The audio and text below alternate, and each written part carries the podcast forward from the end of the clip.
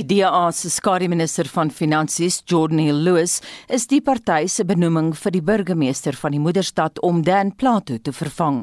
Die partyleier, John Steenhuisen, het die burgemeesterskandidaate vir die 5 groot stede in die land aangekondig.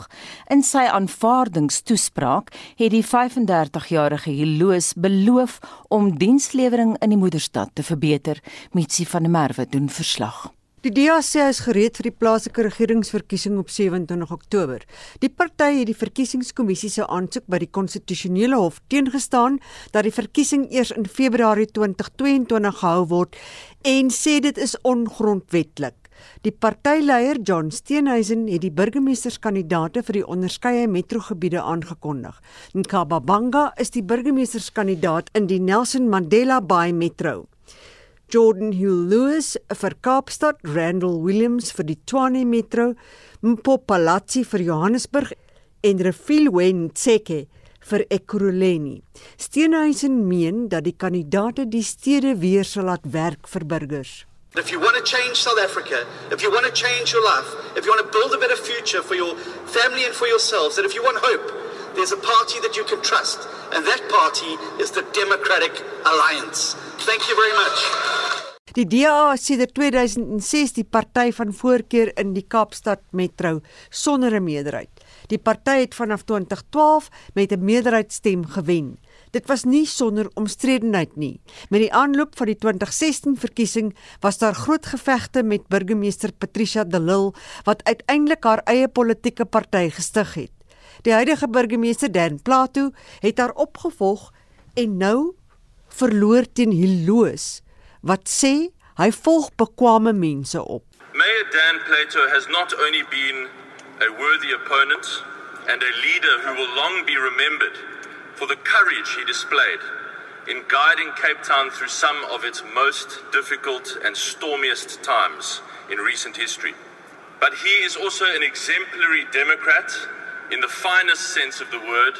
'n Professor van politieke wetenskap aan die Universiteit van die Wes-Kaap, Bekkie Mkomezulu, sê die kandidaat, hoewel baie jonk, is 'n deurwinterde politikus. They want to uh, indicate that uh, they are bringing the youth on board, but then at the same time, they want someone with the requisite skills to run for this position. Die Good Party het die naweek sy sekretaris-generaal Brett Herren as die burgemeesterskandidaat vir Kaapstad aangekondig. Gister was die teikendatum vir politieke partye om hulle kandidaate se name by die OVK in te dien. Tandiswa Mawu het hierdie verslag saamgestel.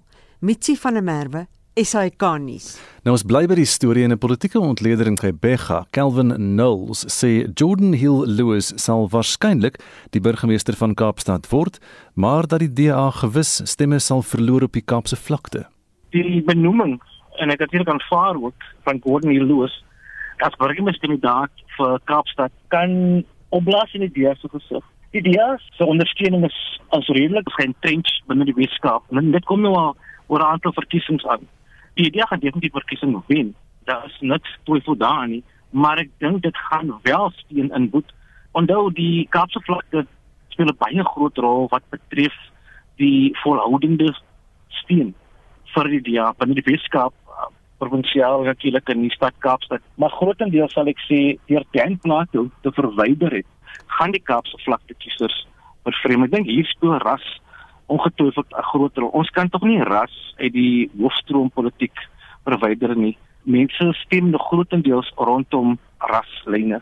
So ek dink dit gaan nie hier skade berokken. Hulle gaan wel die verkiesing wen met hom vir die ministerskandidaat, maar ek dink aan die einde van die dag kan dit bietjie vir hulle probleme veroorsaak. Hulle gaan steun in boet, want nou gaan hulle net verder die persepsie gaan versterk word liewer dat die DA dan 'n wit party is. En hulle het hard probeer om dit reg te stel. Uh, my my man was vir 'n lank die poster boy van die idee, maar daai projek het ook mislik geval. As ons kyk na hoe my my man Pichidelo, hoe my sha behanteer was deur die DA en en dit vir self politieke teksters geskep.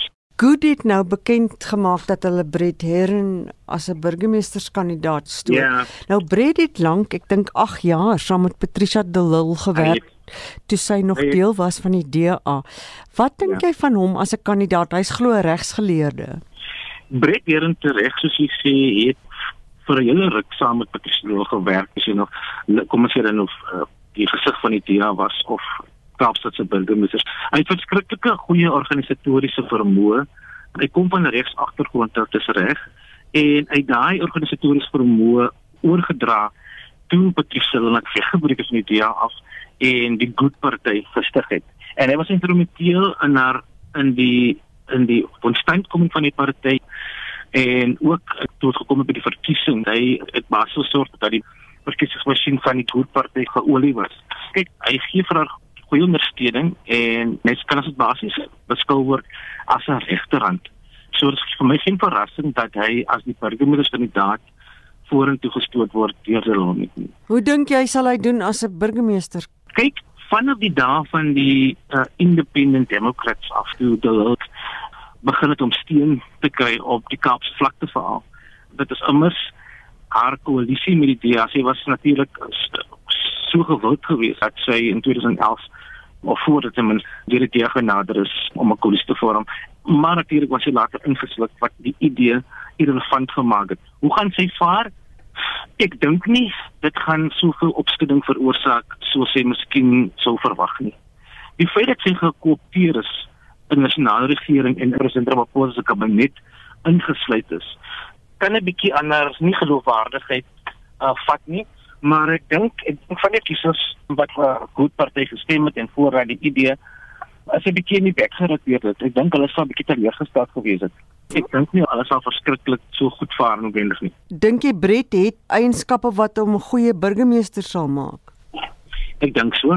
Kyk, jy kan net gesluit binne die Weskaapse plaaslike regering stelsel. Ek sou sê dat hy wel die eienskappe het om 'n goeie burgemeester te wees, maar net van die dag dit maak nie noodwendig saak wat jou agtergrond sou wees nou wat nou dit selfs as aanskoms sou pas vir 'n burgemeesterskandidaat dit bedank van stemme en of jy aantal stemme kry om jou om jou in te stem.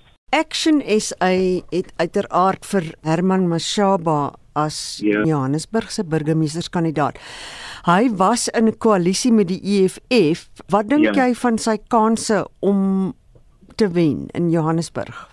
Ek sou sê dat hierdie bewegings wat nou te verskyn kom, dan byvoorbeeld die praat van Herman Mashaba se Action SA, dat ook die beweging van Musa Maimani.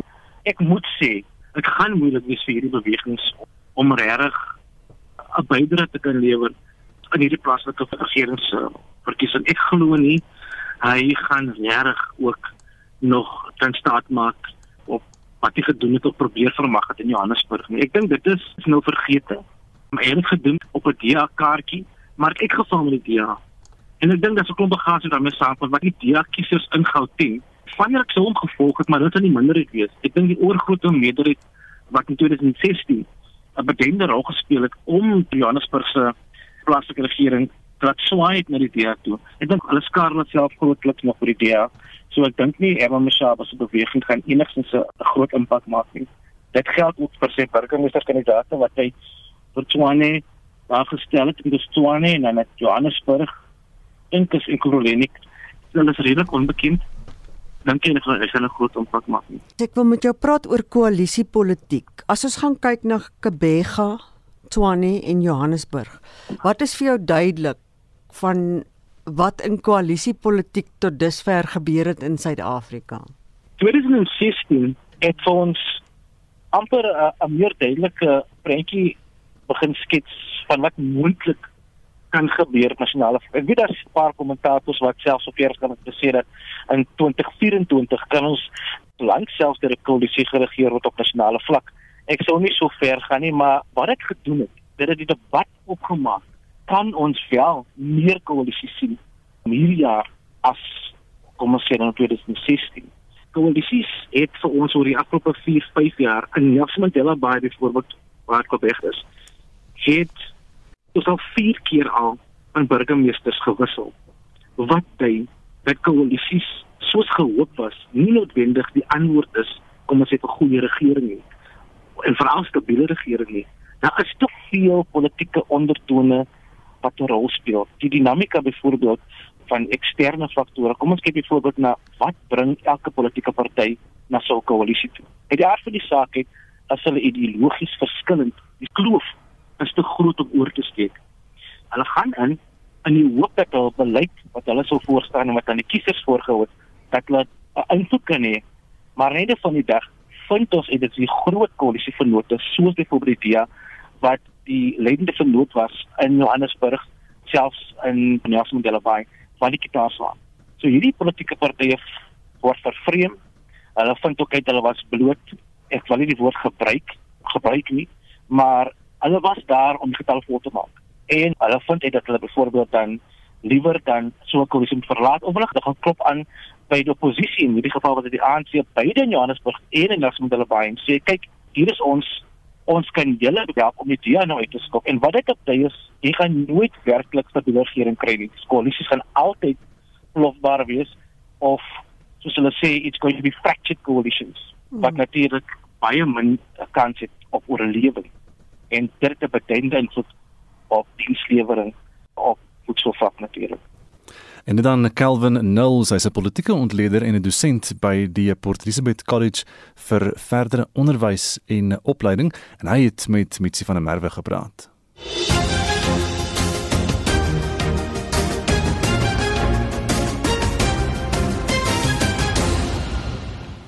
Jy luister dan monitor dis nou 7:25.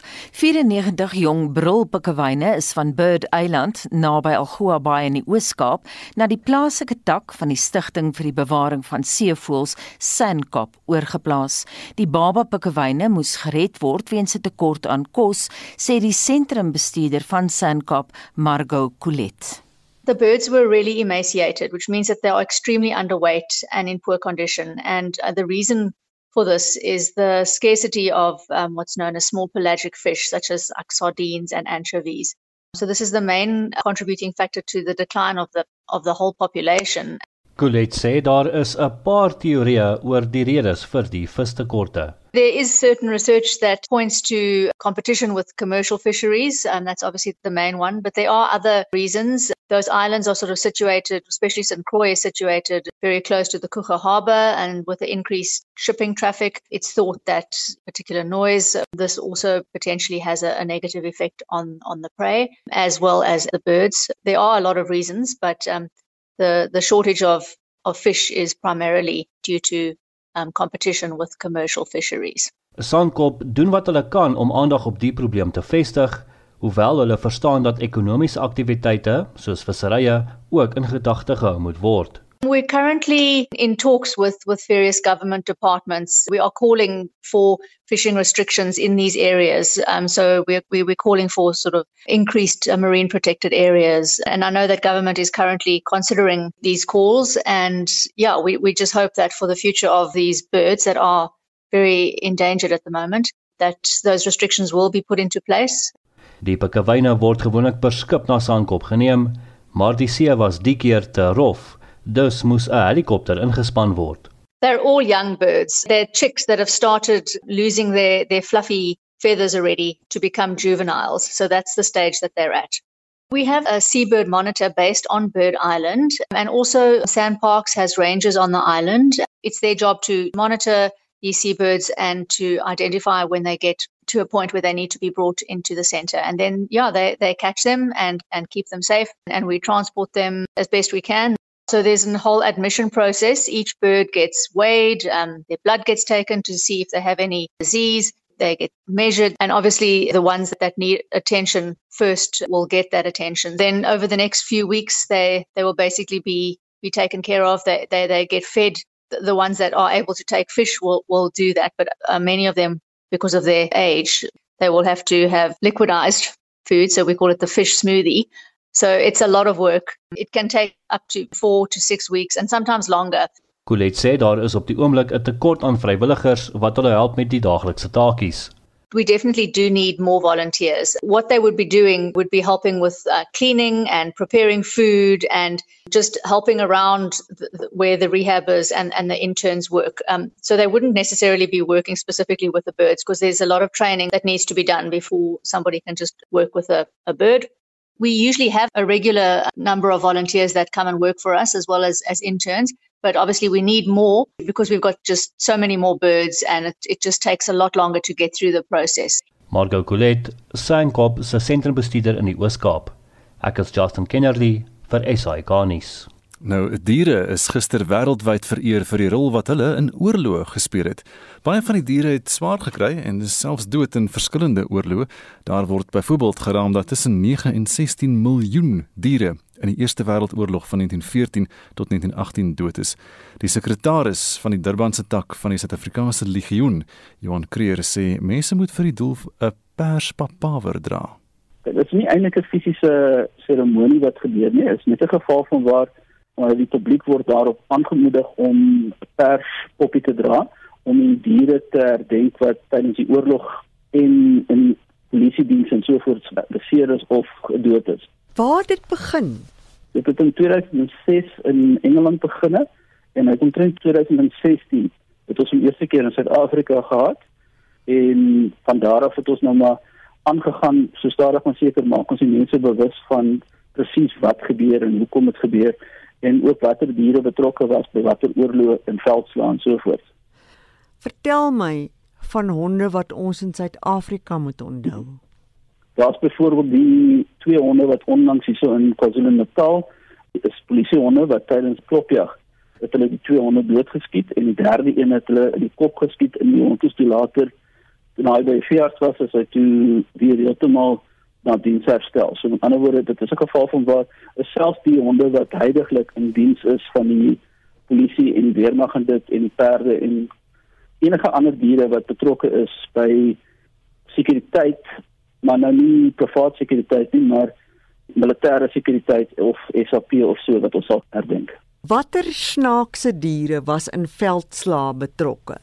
Wel, ons het al byvoorbeeld dolfyne gekry wat die Amerikaners gebruik het om myne op te tel op die skepe. Dan is daar byvoorbeeld olifante gebruik tydens Hannibal se tyd. Dan het hulle byvoorbeeld seeluus gebruik, varkies, duwe, kamele, rotte het hulle byvoorbeeld gebruik om siektes aan te dra na die vyand toe en ook hulle die rotte opgelei om byvoorbeeld plofstof ook saam te vat na die vyand se lyne toe. Wat hulle nou eintlik doen is hulle besig om rotte op te lei om landmyne op te spoor want die rot is makliker om op te lei byvoorbeeld as 'n hond en is goedkoper as om as 'n hond op te lei. So daarom het hulle baie meer rotte wat hulle kan oplei as wat hulle die honde kan oplei vir dieselfde taak. Hulle teel beter aan en hulle kos ook minder om te versorg. En hoe goed is hulle om hierdie plofstowwe te kry? Blykbaar is hulle heeltemal gelykstaande aan 'n hond. Daar is navorsing wat gedoen is op in die feite is op die internet beskikbaar waar hulle wys dat die honde en die rotte is basies op dieselfde vlak. Johan Creer is die sekretaris van die Suid-Afrikaanse Legioen in Durban en hy het met Mitsi van der Merwe gepraat. Ons praat ver oggend oor verpligte inenting in sekere sektore. Estie, wat is die terugvoer? Cathy Smit laat weet ek wil net hoor wat het geword van die staatspresident wat regstreeks op televisie gesê het niemand sal gedwing word om die enstof te ontvang nie. En dan sê Cathy terloops ek is ingeënt maar ek glo nie 'n mens met 'n ander persoon dwing om enige iets te doen nie. Wat's volgende? Kom ons luister wat van ons luisteraars sê in ons stemnotas Patrick hierso. Ek dink sodra jy mense forceer om ingeënt te word, is dit verkeerd want dan word hulle hulle vrye keuse weggevat van hulle af. Wat hulle nou wil doen, hulle wil 'n mens nou forceer dat jy die inenting moet vat. Want as jy nie ingeënt word nie, moet jy nou elke derde dag getoets word op jou eie onkoste. Jou vrye keuse word van jou ontneem. Dit is nie reg nie. Dit is 'n demokratiese land wat ons in lewe. Elke persoon het sy eie keuse of hy ingeënt wil word of nie. Ja, ek stem nie daarmee saam nie. Dis onregverdig teenoor mense wat nie ingeënt wil word nie. Dis lê ek draai van die lang kloof. Ek stem glad nie saam met die reg wat hulle nou probeer doen om werkers te dwing om die enstof te vat wat binne huis werk. Mense se regte word geneem van hulle af weg en die mense wat nou natuurlik is om vat die gaan hulle werk verloor en waar gaan hulle geld kry om elke dag 'n COVID toets te gaan doen? So die regering is nou besig om moed van die enstof neem op mense af te doen want volgende gaan dit wees jy gaan nie meer winkel kan ingaan nie as jy nie ingeënt is selfs by 'n kliniek of by enige plek kan ingaan as jy nie ingeënt is nie. Ek dink daai mense wat weier om dit te doen of wil dit nie doen nie is teen hulle wil. Ek dink hulle het seker maar hulle redes, maar glo nie hulle het al mense verloor aan COVID nie. Ek glo dit is die beste om te doen. As jy dit nie wil doen nie, is jou keuse. Maar ek niemand sal my sê ek moet dit nie doen nie. As jy nie wil toets of jy laat inente, bly eenvoudig by die huis. Moenie werk toe kom nie om ander te kom aansteekie. Moenie in enige fabrieke, area by winkels, moderns kom sien dat liewer iemand bly jy permanent bly by die huis. Dis my opinie, Kobus en Seil na Makoland. Ons praat vanoggend oor lydensberigte bespreek die ministeriële advieskomitee oor COVID-19 die moontlikheid van verpligte inentings vir werkers in spesifieke sektore veral ge vir gesondheidswerkers en ander werknemers wat binneshuis werk. En die viroloog professor Shabir Madi meen anders sal werknemers wat weier om ingeënt te word hulle moontlik elke 3 tot 4 dae op eie onkoste vir COVID-19 moet laat toets. En ons vra vir jou wat is jou mening hieroor? Stuur vir ons 'n SMS na 45889 onthou dit kos R1.50 per SMS deel jou mening op ons Monitor en Spectrum 'n Facebookblad of WhatsApp vir ons stemnota na 076 536 6961.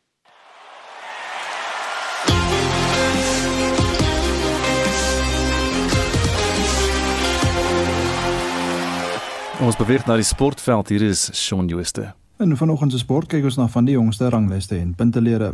Die Springbokke het nou al twee toetse in die rugby kampioenskappe gespeel, beide gewen en 9 punte bymekaar gemaak. Nieu-Seeland is tweede op 5 punte na een ronde met die Aussies en Argentinië derde en vierde met geen punte nie. Suid-Afrika bly nommer 1 op wêreld rugby se mansranglys met die All Blacks tweede en Engeland derde. Ierland is vierde en Frankryk vyfde. Die top 4 spanne op die Curriebeeker punteleer na 11 rondes is die Bulls op 44, Haie op 40, Griquas op 33 en Pumas op 32 punte. Die Bulls en Haie het reeds tuis halfeindstryde verseker. Atletiek. Die Suid-Afrikaanse atlete het goed by die wêreld onder 20 kampioenskappe in Kenia gevaar en algeheel 60 geëindig. Hulle het 9 medaljes verower. Dit het 3 goud, 2 silwer en 4 brons ingesluit. Die gasheere was die algehele wenners en het 8 goud, 1 silwer en 7 brons medaljes ingepalm. Die aandag verskuif nou na die Paralimpiese spele wat in Tokio in Japan plaasvind. In Rio in 2016 het Suid-Afrika met 7 goud, 6 silwer en 4 brons medaljes weggestap. Sokker. Die DStv Premier Liga het oor die naweek afgeskop. Baroka FC, Golden Arrows, Mamelodi Sundowns, JP United en Morocco Swallows het hulle openingswedstryde gewen en staan op 3 punte. Die top 5 spanne in Engeland is West Ham United, Chelsea, Liverpool, Brighton and Hove Albion en Tottenham Hotspur almal op 6 punte.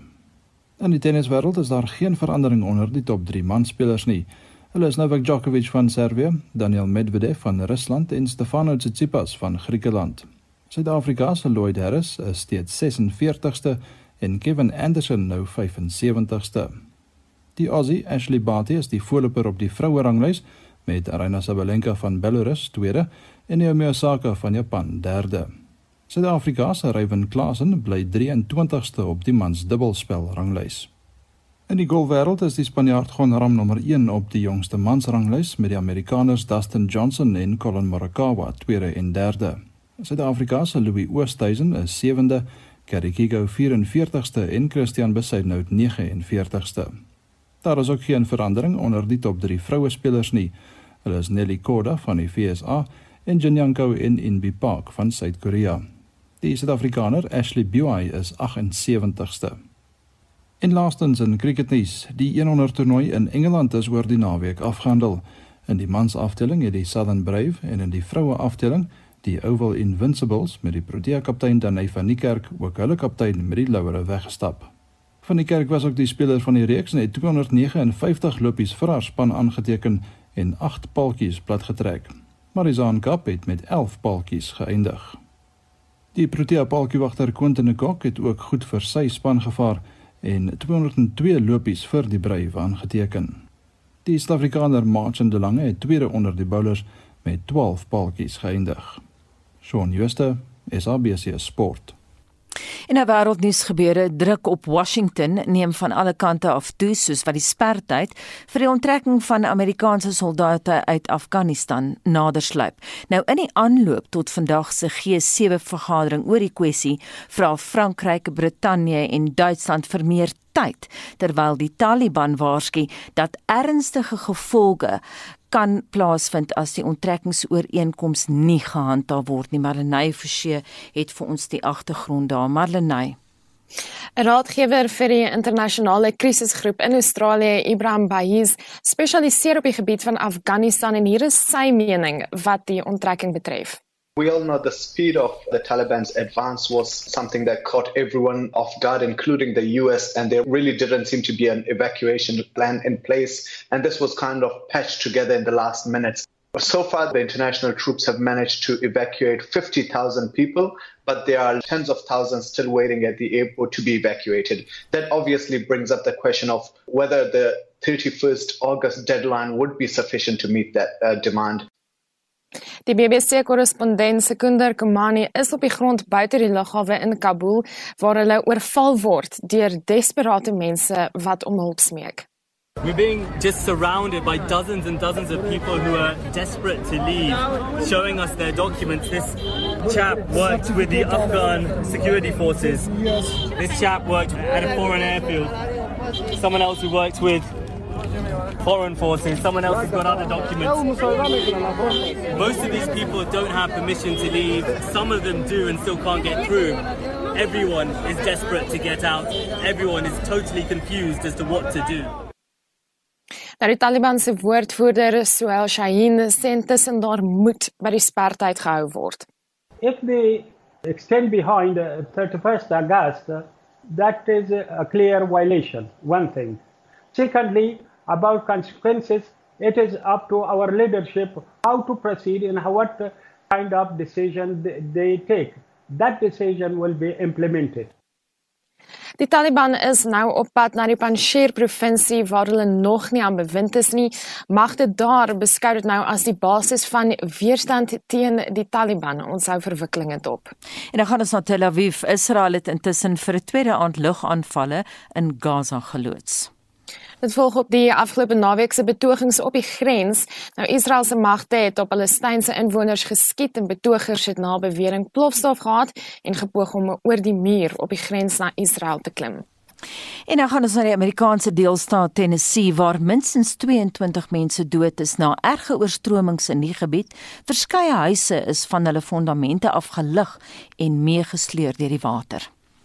En baie mense word steeds vermis. Reddingspogings daar is onderweg. En terwyl ons praat van oorstromings, die navorsingsgroep World Weather Attribution se jongste verslag toon dat die onlangse oorstromings in Europa aan menslike aktiwiteit toegeskryf kan word. Minstens 220 mense is dood tydens die oorstromings in Duitsland en België en ook daar het die buitengewone neerslag grootskaalse skade aan infrastruktuur veroorsaak. En dan gaan ons na ons buurland Mosambiek waar die voormalige president Armando Guebuza in die nuus is. Ja, sy seun Ndami word betrek by 'n korrupsieskandaal van sowat 30 miljard rand. Hy en 18 verdagtes kom te staan teen aanklagte van afpersing, geldwasery en verduistering. Nou die skandaal het daartoe gelei dat miljarde rand se befondsing aan die land opgeskort is en het die ekonomie in duie laat stort. Nou die saak is so groot dat dit in 'n tent buite 'n maksimum gevangenis naby Maputo gehou word omdat die land se howe te klein is vir die magdom prokureurs 70 getuies en 250 lede van die media. En dit was Marlenae met 'n oorsig van vanoggend se internasionale nuusgebeure. Dis nou 14 minute voor 8 jy luister na Monitor op RSG. Volgens 'n berig in die Sunday Times oorweeg die ministeriële raadgewende komitee oor COVID-19 die moontlikheid van verpligte inentings vir werkers in spesifieke sektore. Nou die groepe sluit in gesondheidswerkers en mense wat vir vasgestelde ure in geboue en in noue kontak met ander werk. En ons praat vanoggend hieroor met Solidariteit se hoof van regsaake Anton van der Byl. Anton, goeiemôre. Môre Gustaf. Hierdie is seker nie heeltemal onverwag nie, maar wat sê die wet hieroor? Gustaf, voordat ou kyk na die wetgewing, moet ek maar kyk na die onderbou van wetgewing en ons regstelsel op die stadium of of ons mag gebaseer op op rationaliteit of redelikheid Nou as jy kyk na verpligte enstowwe, dan moet jy jouself afvra of in, as jy kyk na dit in 'n in 'n wetgewende sin, dan moet jy kyk of dit rasioneel of redelik is. En ons het verpligte enstowwe, daar's uh, onteenseglike bewyse dat verpligte enstowwe weerstand tot inenting uh, aanwakker of of mense word meer weerstandig indien jy dit verplig. So ons sê as jy kyk na wetgewing en jy kyk die onderbou van die wet, dan dan is dit nie rasioneel nie, dit is nie redelik nie. En dan as jy kyk na die substantiële inhoud van wetgewing, die grondwet sê duidelik dat 'n persoon reg het tot liggaamlike integriteit en die en die reg het om jou eie geloof uit te kan oefen. Dit derhalwe sê ons om verpligte enstowwe of om enstowwe verpligting te maak sal nie rasioneel wees nie, dit sal ook nie wettig wees. Maar nou wat van uh, arbeidsoogpunt kan 'n maatskappy sy mense en sy werkers dwing om inentings te kry?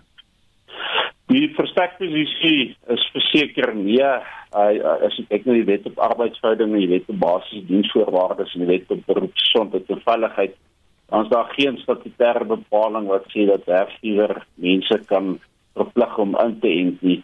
Uh die wet op arbeidsverhoudinge en teendeel sê dat elke persoon of hy weerplank die die grondwetlike reg tot liggaamlike integriteit.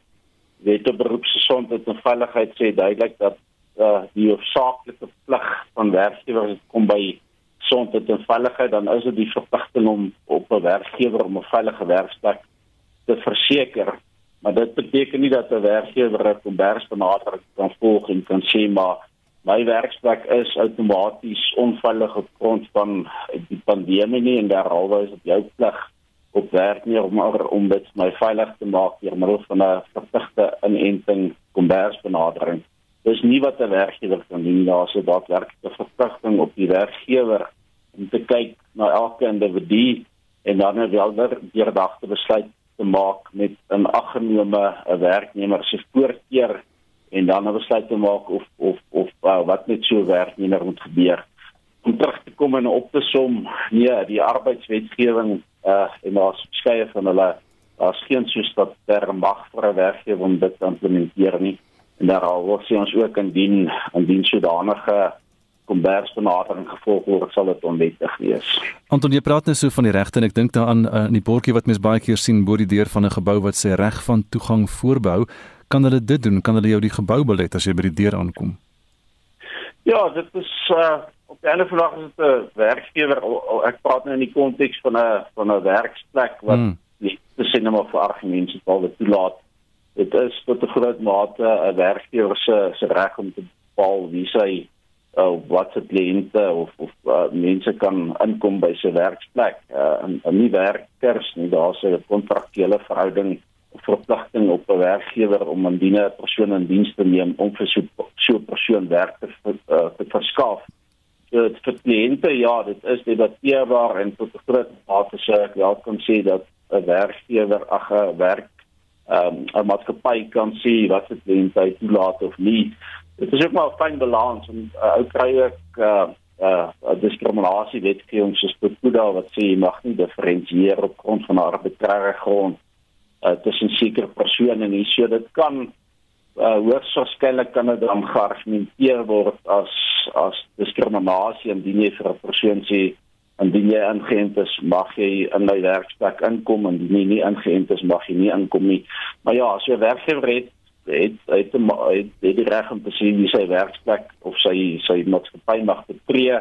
Dit kan moontlik neerkom op diskriminasie en op die einde van die dag op uh, finansiële en ekonomie, ekonomiese uit 'n finansiële en ekonomiese oogpunt is dit dan ook 'n reg vir 'n persoon om te sê maar indien so werkgewers so lekrake en onregverdige maatreël instel, instel gaan ek ook nie wil ek ook nie besigheid doen met so wat verby nie. So dis 'n besnydende swaar dit kan nie net of dit word nie net uh, tot voordeel van 'n maatskappy gebruik nie maar werknemer kan dan ook sê 'n werknemer wat sê hy wil nie uh, so werkstuk of so maatskappy hmm. besoek kan dan sê maar ek gaan dit nie besoek nie dit uh, hierdie persone weerspieël nie my hy siening van inenting en derhalwe gaan ek nie so maatskappy besoek nie. Anton is 'n interessante gesprek en ons kyk maar wat gebeur. Baie dankie Anton van der Byl, die solidariteit se hoof van regsaake. Nuwe navorsing oor Kaapse pelsrobbe toon dat wetgewing benodig word om te bepaal hoe en waar daar van visnette en vislyne ontslaag geraak kan word. Die studieleiers van 'n projek wat sedert 2018 die impak van besoedeling op Kaapse pelsrobbe in Namibië ondersoek, het bevind dat meestal klein en jong robbe in vislyne verstrengel raak. Die stigter van Ocean Conservation Namibia, Nudie Dreyer, was deel van die projek en sê dis 'n algemene probleem. Hulle is baie speelvol in natuur. Hulle speel met alles wat hulle kry. Ons weet maar hoe basies word hulle in die eerste plek verbind. Dit kom basies van speel in die water en hulle hulle swem deur die lyne en goed dan gaan sit die goed om hulle nekke vas en dan so bly dit. Uh, soos hulle groei, sny dit in hulle in en dit raak net erger en erger vir hulle. Maar die studie was nou basies om uit te vind wat is die mees algemene tipe entanglements wat, wat hulle kry, is dit nou visvanggoed, is dit huishoudelike goed, is dit industriegoed, straps en toue en goed of so ja, dit is maar basies uh, net om te monitor wat ons nou alles neergesit het op papier vir die laaste paar jaar en dit nou op basis te in 'n in 'n format te sit dat ander scientists kan kan lees. Hy sê hulle het oor die laaste paar jaar 'n toename gesien in robbe wat in snoeklyne vassit. Die ouens vang snoek uh, met handlyne en dit is hierdie handlyne wat dan oorboord val en in die water beland en die, die robbe swem deur die lyne. Dit's baie sterk, breek nie van self nie en dit soos hulle groei, sny dit in hulle in. En so 'n groot probleem vir ons robbe hier. Dis ook 'n groot probleem vir die robbe in Suid-Afrika op die Weskus. Ons was paar weke terug in Lambert's Bay om te gaan kyk op die robbe daar en ons het heelwat dieselfde probleem gesien daar met die robbe. Die mede-direkteur van die Namibia Dolfynprojek en Sea Search en buitengewone senior dosent in die departement plant en dierkunde aan die Universiteit van Stellenbosch, Dr. Tess Gridley, het wetenskaplike ondersteuning aan die projek gegee. Sy prys Nordea vir sy werk in die verband. So he's really been working out at the colonies day in and day out, collecting his data and also obviously disentangling uh, many of those animals. And we've been the sort of scientific back end of that. so taking that data and, you know, writing it up and, and uh, liaising with Nordea to maximize the impact of that work. Dr. Gridley sê daar is verskeie maniere om die data in te samel. Omdat ons in Afrika is, is die duurder metodes nie altyd die beste nie. We were out um, obviously using binoculars and then also with long lenses. And so we compared those two different, fairly low cost methods of data collection um, for this study. And we found that it was actually more efficient and the data are higher quality. Around the world, people are using drones. That's a really effective way as well to survey large numbers of animals. But there are some issues with seals because they're so um, gregarious. You know, they hang out in these big groups. And if they do get a fright, or you know one of them sort of sees something flying in the air, they can um, all kind of stampede, and you don't really want that to happen, um, particularly at the breeding times. So for our side of uh, things, we we started out with these really sort of low cost methods, uh, the binoculars and cameras. Sy verduidelik waarom pelsrobbe so maklik in die nette verstrengel raak en die impak daarvan. They would have interacted a lot with kelp and, and seaweed and things like that. So when they do find these plastics in the environment, particularly the young animals, um, they easily get sort of caught up in them. It's often the young animals that do get entangled. And then as they grow over time, these um, entanglements become much more restrictive, often around the neck. They start to cause, you know, deeper wounds. So the skin becomes broken and then into the muscle. And it's very distressing to observe. And it's obviously very painful harmful for the animals. Nou die studies soos die word gebruik om die regering te dwing om aandag aan die probleem te skenk. Dit is net regte wetenskaplike studies wat eintlik gesien gaan word deur die regering. Hooplik gaan die regering sterker reëls inbring vir die dumping van vislyne oorboord en as hulle bote vang wat dit doen, baie baie strenger penalties en goed inbring. In Suid-Afrika probeer hulle al daarmee en het hulle baie meer sukses as in Namibië. Hierdie wit straps wat ons altyd op bokse en goed kry. In Suid-Afrika is dit reël op die visbote dat hy goed moet gesny word. Maar as iemand 'n inspeksie op 'n boot doen en die ding is nie gesny nie, dan is daar penalties vir die boot. Maar hier het ons nie daai reëls nie. So dit is 'n probleem. Want ons kry ook baie van ons robbe wat in daai straps vassit. Dis nou een voorbeeld. Die ander ding is ehm um, sê iets soos 'n snoekboot al sy vislyne word geweeg voor hy uitgaan. See toe as hy terugkom, as al sy lyne nie daar is nie, is daar groot penalties vir al daai lyn wat nou vermis is. Want dit is te maklik. Hy lyn is goedkoop, is te maklik om net te uh, op te bondel en in die water te gooi.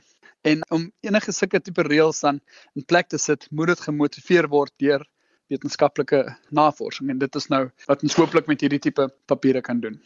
Gridley beamoed dit. We want these research results to feed back to, to industry and to policymakers so that we can hopefully try and make some changes, perhaps retrieval of nets or better disposal of fishing lines and fishing nets, or even using uh, biodegradable fishing materials and things like this. Just for context, myself and son uh, retrieved around 20 kilograms of discarded ghost net from Muizenberg Beach two weeks ago. And actually, there was a seal inside that, that netting. And so um, we've actually taken a really strong, uh, close look at that net, and it had over 60 different types of rope and net in there. So these uh, ghost nets can drift around for a very long time and accumulate quite a lot of different materials. Stephanie Curtis, 'n nagraadse student verbonde aan die Namibia Dolfynprojek, het die studie so opgesom. Robbe moenie op hierdie manier lei net omdat ons nie ons eie gemors kan beheer nie. Ek is Justin Kennerly vir SI Garnis. Verpligte inentings of nie, wat sê die luisteraars ST? Valerie Jansen van Rensburg van Standerton skryf Inenting was nog nooit in die verlede 'n keuse nie, dit was verpligtend. As graad 6 dogter in 1976 moes ek vir 'n addisionele ent gaan voordat ek oorsee kon gaan. Waaroor is die boei nou skielik? Dorien Kutse Meyer sê my liggaam, my besluit. Niemand mag gedwing word nie. En Ingrid Landpan sê kom ons praat weer as jy by die dood omgedraai het met COVID. Ek is baie dankbaar vir die inenting. En Elise de Lange Jordaan skryf dis belaglik want selfs 'n ingeënte persoon kan nog steeds siek word en ander mense aansteek. So wat is die logika daaraan dat net die oningeëntes getoets moet word? Respekteer elke persoon se eie besluit. En 'n luisteraar skryf: "Maak inenting verpligtend. Die Verenigde Arabiese Emirate het almal wat in die dienssektor werk verplig om ingeënt te word.